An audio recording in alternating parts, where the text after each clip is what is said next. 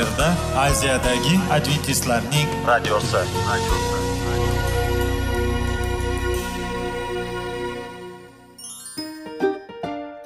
Assalomu alaykum radio tinglovchimiz. Dasturimizga xush kelibsiz va bizni tinglayotganingizga sizdan judayam minnatdormiz.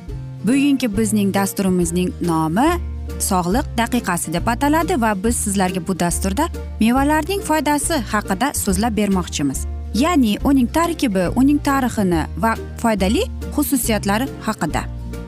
Aziz do'stlar mevani iste'mol qilish kerak ekan va biz boshladik. Ketdik.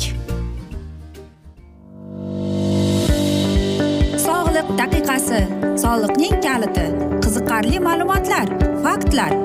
Har kuni siz uchun foydali maslahatlar. Sog'liq daqiqasi rubrikasi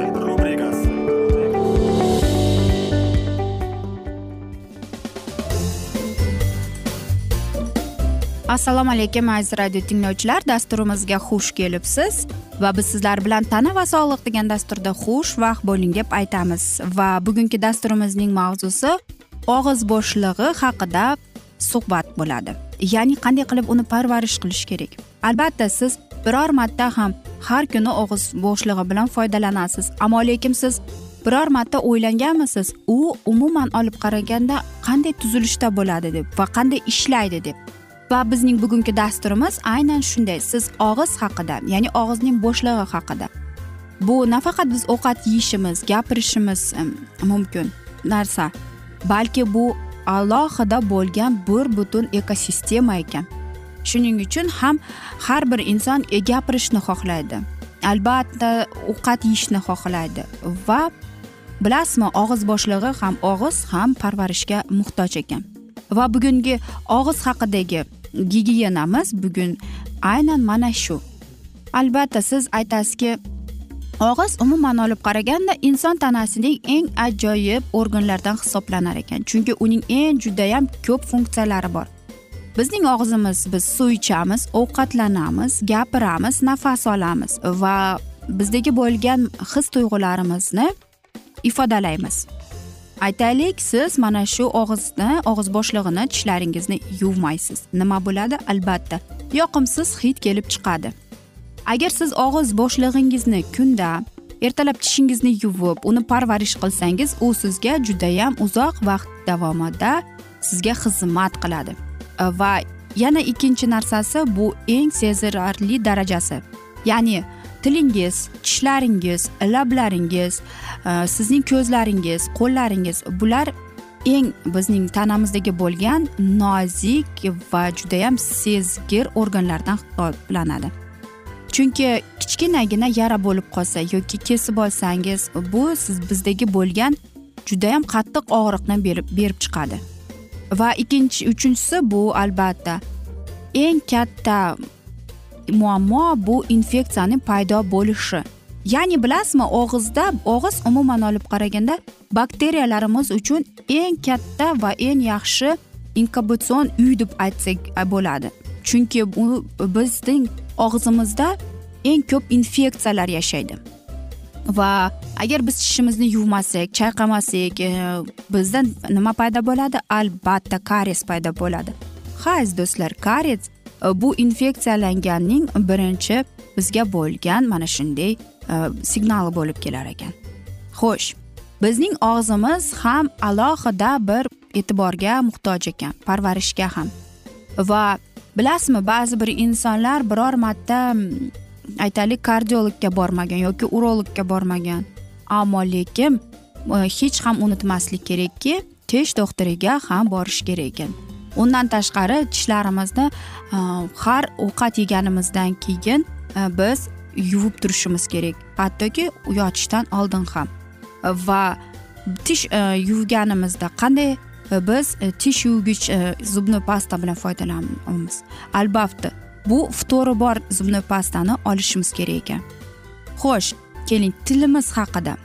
Siz hayronmisiz? Albatta. Ba'zi bir insonlarni bilaman ular tish yuvganda tilini ham yuvadi. Oldin men hayron bo'lardim keyin tish doktoriga borib tishlarimni ko'rsatib u bilan maslahat qilganimda u aytgan agar siz tishingizni yuvib turmasangiz mana shu eng katta bakteriya eng katta infeksiyalar mana shu joydan kelib chiqadi deb. Shuning uchun ham tishingizni yuvib turishingiz kerak. Va shifokorlarning aytishicha kichkinalar ham kattalar ham e, stomatologni ya'ni tish doktorini bir yilda ikki marta borib turish kerak ekan. Og'riydimi og'rimaydimi va siz shunda bilasiz sizning tishlaringiz umuman olib qaraganda yaxshi holatdami yoki balkim bir narsa kerakmi va doktor sizga aytib beradi. Agar sizning tishingizning oralig'ida juda siz e, tish ataylab bilasizmi iplar bor buni tish iplari deydi. Agar sizning tishingizning orasida go'sht yoki bir narsa kirib qolgan bo'lsa mana shu narsa yordam beradi. Va siz og'zingizni bir qalqobda ushlab uchun bu tishni chayqash eng yaxshi usuldir ayniqsa siz shirinlik iste'mol qilganingizda chunki bundan keyin siz bor e, shirinlikni yuvib tashlaysiz. Va ehtiyot bo'lingki siz chayqashga har narsa bilan chayqayvermang masalan oddiy issiq suv bilan ham chayqasangiz bo'ladi yoki hozirgi dorixonalarda ataylab tish chayqagich antiseptik dorilar judayam ko'p.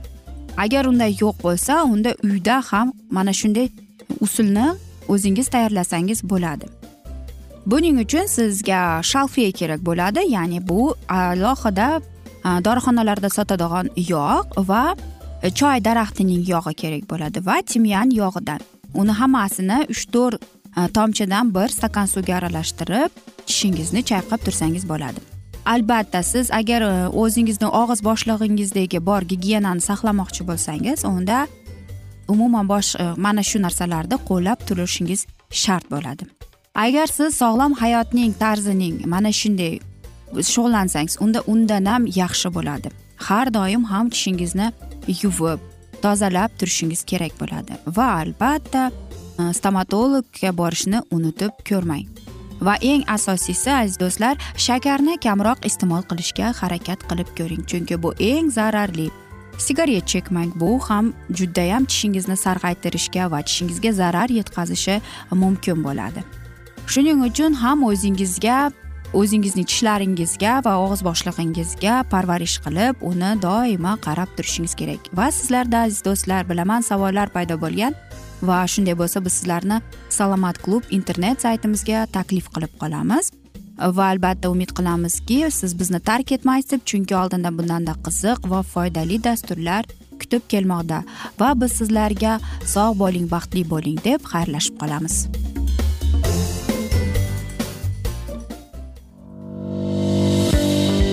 Sog'liq daqiqasi. Soliqning kaliti. Qiziqarli ma'lumotlar faktlar. Har kuni siz uchun foydali maslahatlar. Sog'liq daqiqasi rubrikasi.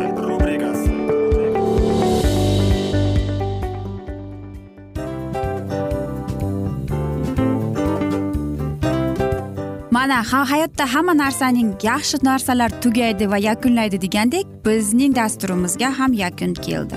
O'ylaymanki bizning dasturimiz sizga foydali bo'ldi deb aziz radio tinglovchimiz. Va siz o'zingiz uchun kerakli xulosalar kerakli maslahatlar olib oldingiz. Aziz radio tinglovchimiz biz bilan qoling va keyingi dasturlarimiz albatta undanda qiziqroq bo'ladi. Mana shu alfozda sizlar bilan xayrlashib qolaman.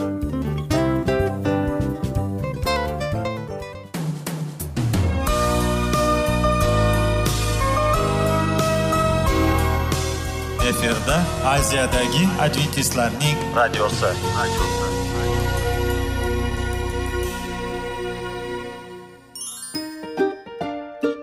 Assalomu alaykum aziz radio tinglovchilar. Dasturimizga xush kelibsiz. Va sizlarni bugun biz munosabatlar haqida sizlar bilan suhbat qurmoqchimiz. Ya'ni ikki sevishganlar to'g'risida yoki er xotinning o'rtasida bo'lgan munosabatlar haqida. Masalan yigit qizni qanday sevish kerak? Er xotinni qanday sevish kerak? Xotin erini qanday sevish kerak? Qanday munosabatda bo'lish kerak ular bir biriga mana shunday haqida bizning mavzuyimiz.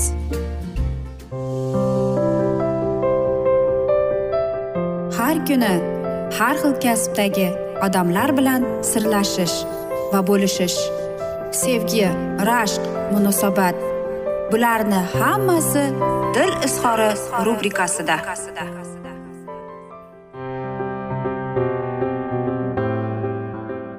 Assalomu alaykum aziz radio tinglovchilar. Dasturimizga xush kelibsiz. Va bugungi bizning dasturimiz erkaklar marsdan ayollar veneradan degan dasturda xush vaqt bo'ling deb aytamiz.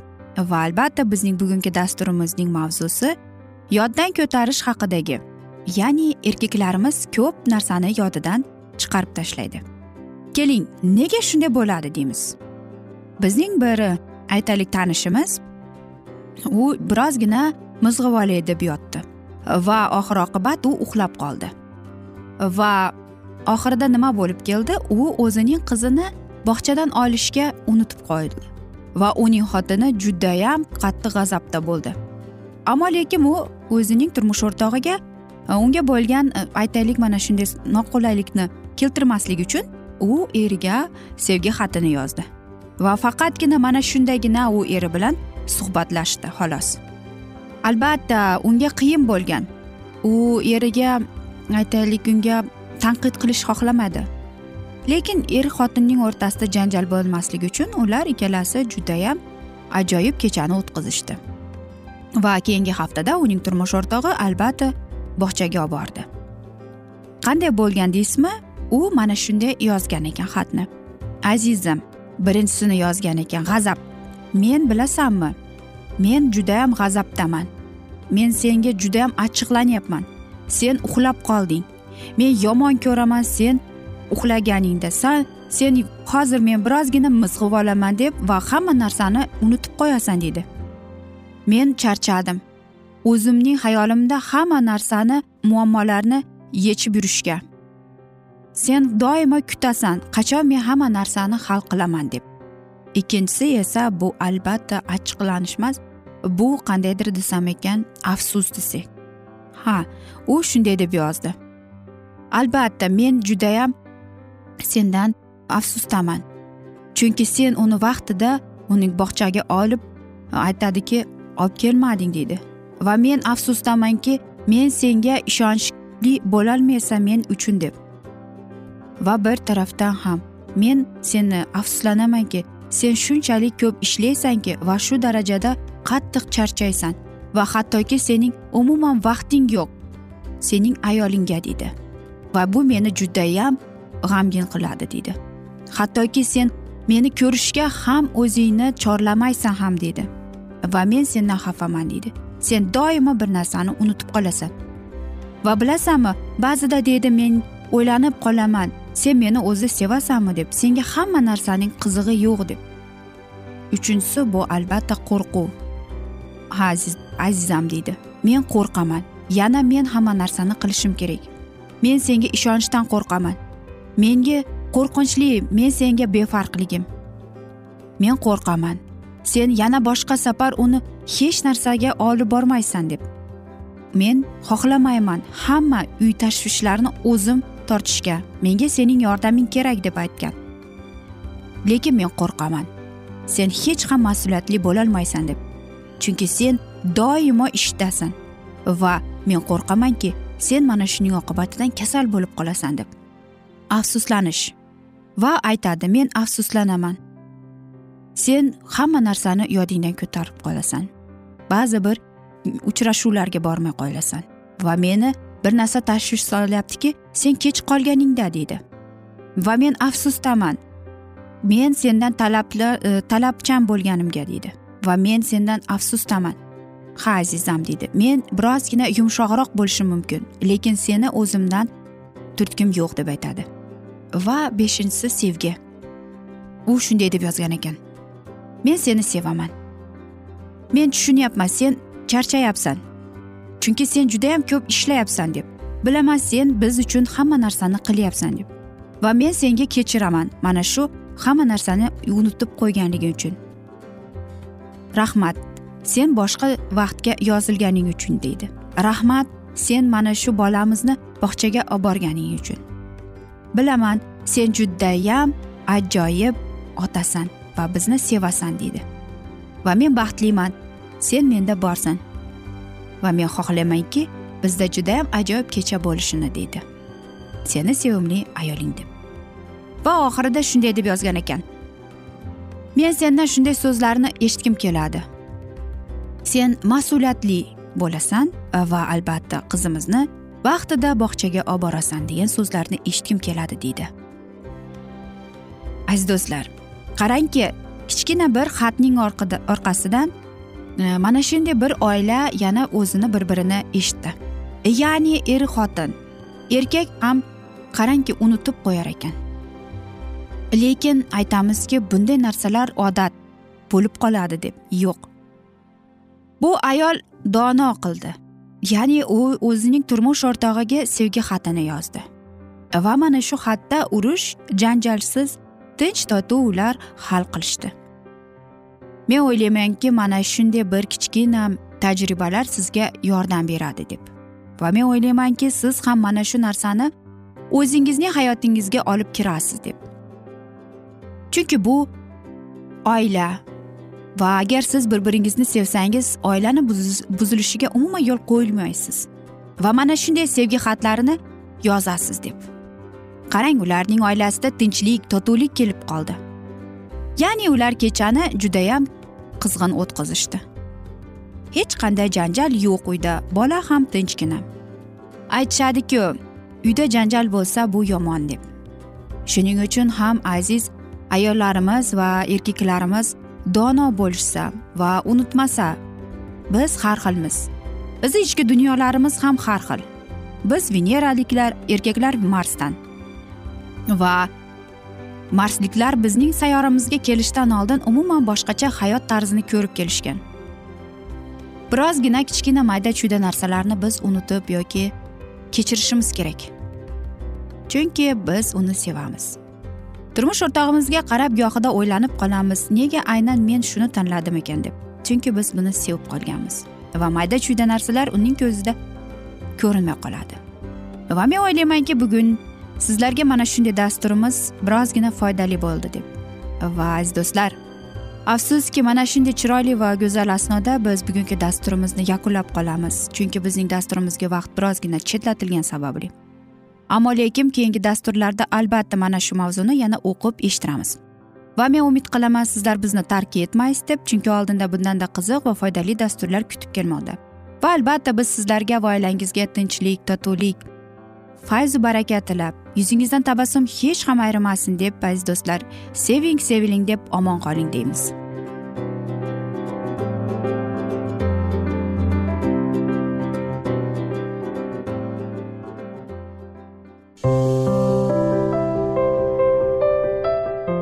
Kuni har xil kasbdagi odamlar bilan sirlashish va bo'lishish. Sevgi rashq munosabat bularni hammasi dil izhori rubrikasida. Mana aziz radio tinglovchimiz bizning go'zal va foydali va chiroyli dasturimiz yakunlanib bormoqda. Sizlarga birozgina maslahat berib o'tmoqchi edik. Bir biringizni seving. Qadringizga yeting. Va erkalang albatta bir biringizni va sizga judayam chiroyli va mustahkam munosabatlar tilab qolamiz albatta. Sevgilingiz doimo yoningizda bo'lsin. Mana shu borada sizlar bilan xayrlashib qolamiz. Xayr.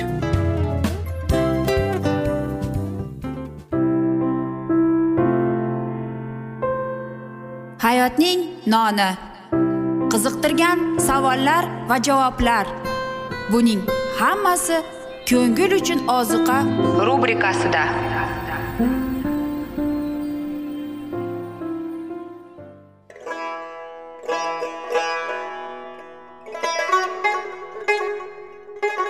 Assalomu alaykum aziz va qadrdon radio tinglovchimiz. Dasturimizga xush kelibsiz. Bizni tanlaganingizga sizdan minnatdormiz. Va keyingi bizning e, mavzuyimiz diniy masalasiga kelib chiqadi. Albatta hayot davomida bizni ko'plab qiziqtirgan savollar bordir. Va mana shu savollarga qayerdan javob olsam ekan deb o'ylanib chiqamiz. Yoki hayotning ma'nosi nimada deb o'ylanamiz. Mana shunday dasturlar o'ylaymanki siz sizga foyda bo'ladi deb. Aziz do'stlar e, bugungi bizning mavzuyimizning nomi vahiy kitobning ochilishi. Ya'ni bu muqaddas kitobda shunday deb yozilgan. Vahiy kitobning bizga bo'lgan buyuk sovg'asi deb. Albatta mana shunday kitobni eshitib quloq solib e'tiborli bo'lsak biz o'zimizning qiziqtirgan hayotning ma'nosini tushuntirgan bizni kelajakda nima kutayotganini mana shu kitobdan bilib olamiz albatta. Va xudoyim bizga qanday rejalar ochgan bizga qanday kelajak kutayotganini aynan mana shu kitobda yozilgan va bizga mana shu kitob orqali xudoyim bizga aytib bergan. Keling aziz do'stlar mana shu kitobni e'tiborli va yaxshilab quloq solib va chuqurroq nazar solaylik shu muqaddas kitobga.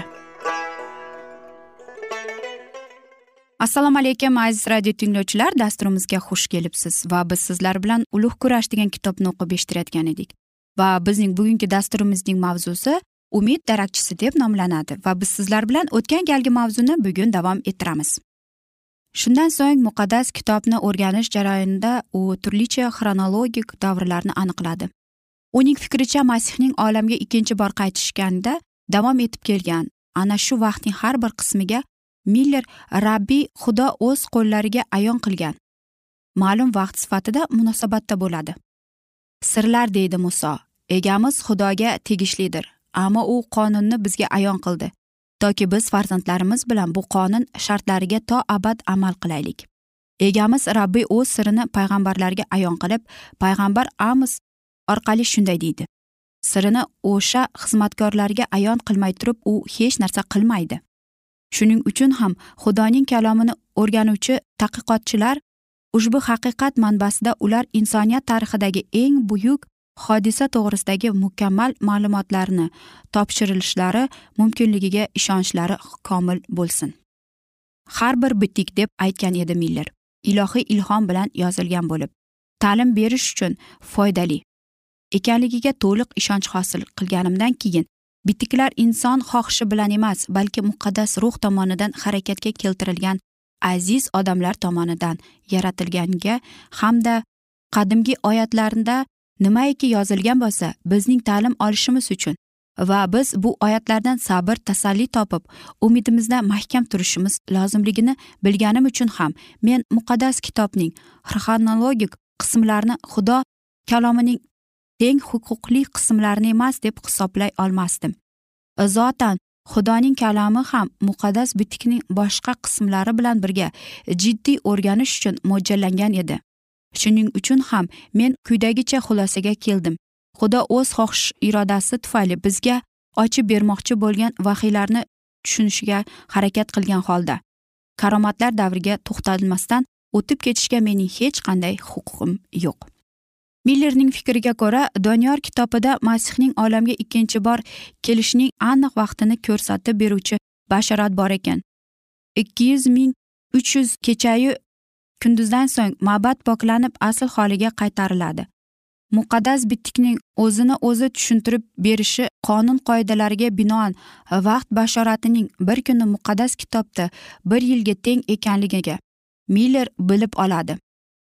Ikki ming uch yuz bashorat kunlari yoki aynan ana shu yillar davri yahudiylar uchun belgilab berilgan huzur halovat vaqti nihoyatda uzoqda ekanligini binobarin qadimgi ahd madbatga taalluqli emasligini u ko'rdi. Masihlik asrida ma'bad zaminda bo'lgan ya'ni hamma qabul qilgan nuqtai nazari e, miller qo'llab quvvatlandi. Shuning uchun ham karomat qilingan ma'badning poklanishi rabbining ikkinchi bor kelishida olov tufayli zaminda amalga oshadi degan xulosaga keldi. Agar deb fikr yuritadi miller sanoq boshidan sifatida ikki ming uch yuz kunni asos qilib oladigan bo'lsak demak shunda masihning olamga ikkinchi bor kelishi vaqtini bilib olish mumkin. Shunday yo'l bilan buyuk oxir zamon butun hozir hozirgi dunyo o'zining takabburligi hokimiyati dabdabaligi o'zining shuhratparastligi gunohkorligi va jabr zulm qilishi bilan yakun topadi. O'shanda la'nat yer yuzidan yo'q qilinganda o'lim barham topganda.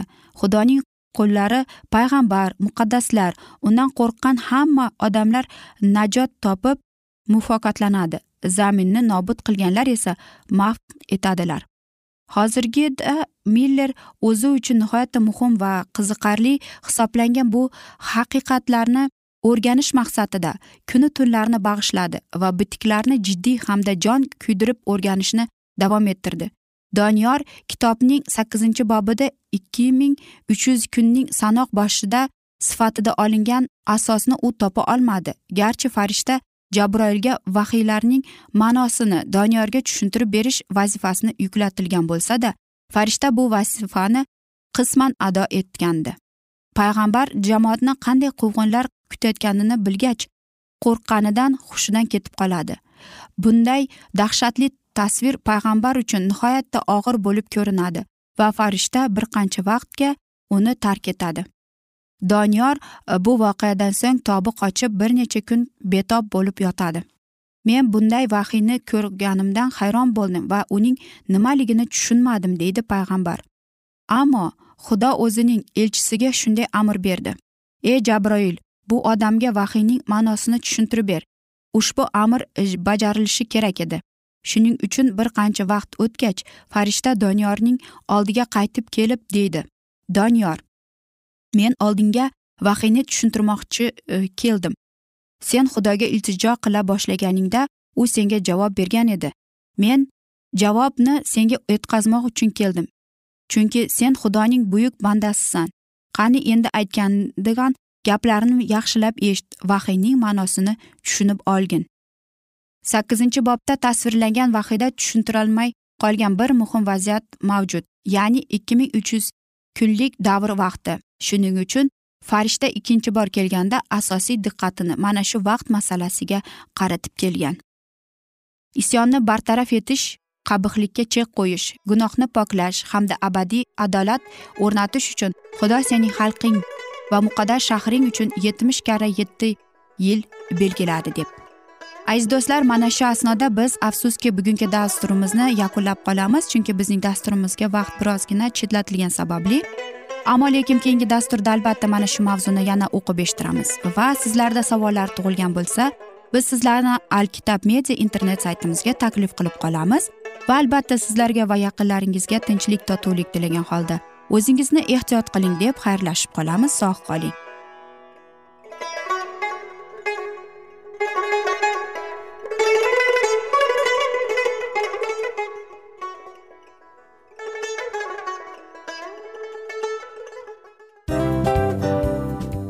Afsus afsus.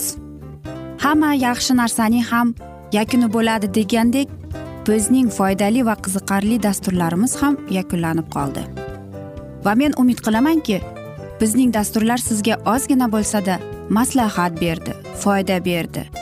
Va sog'liq borasida ayniqsa sizlarga foydali bo'ldi deb va siz bizning maslahatlarga amal qilasiz deb. Albatta keyingi dasturlarda undanda qiziqroq undanda foydaliroq ma'lumot berishga harakat qilamiz. Undanda qiziqroq ko'rsatuvlar sizlarga hadya etishga harakat qilamiz. Bizni tanlaganingizga albatta sizlardan minnatdormiz. Sizlarga baxt omad va sog'lik tilab qolgan holda mana shu alfozda sizlar bilan xayrlashib qolamiz. O'zingizni ehtiyot qiling sog' bo'ling omad sizga xayr.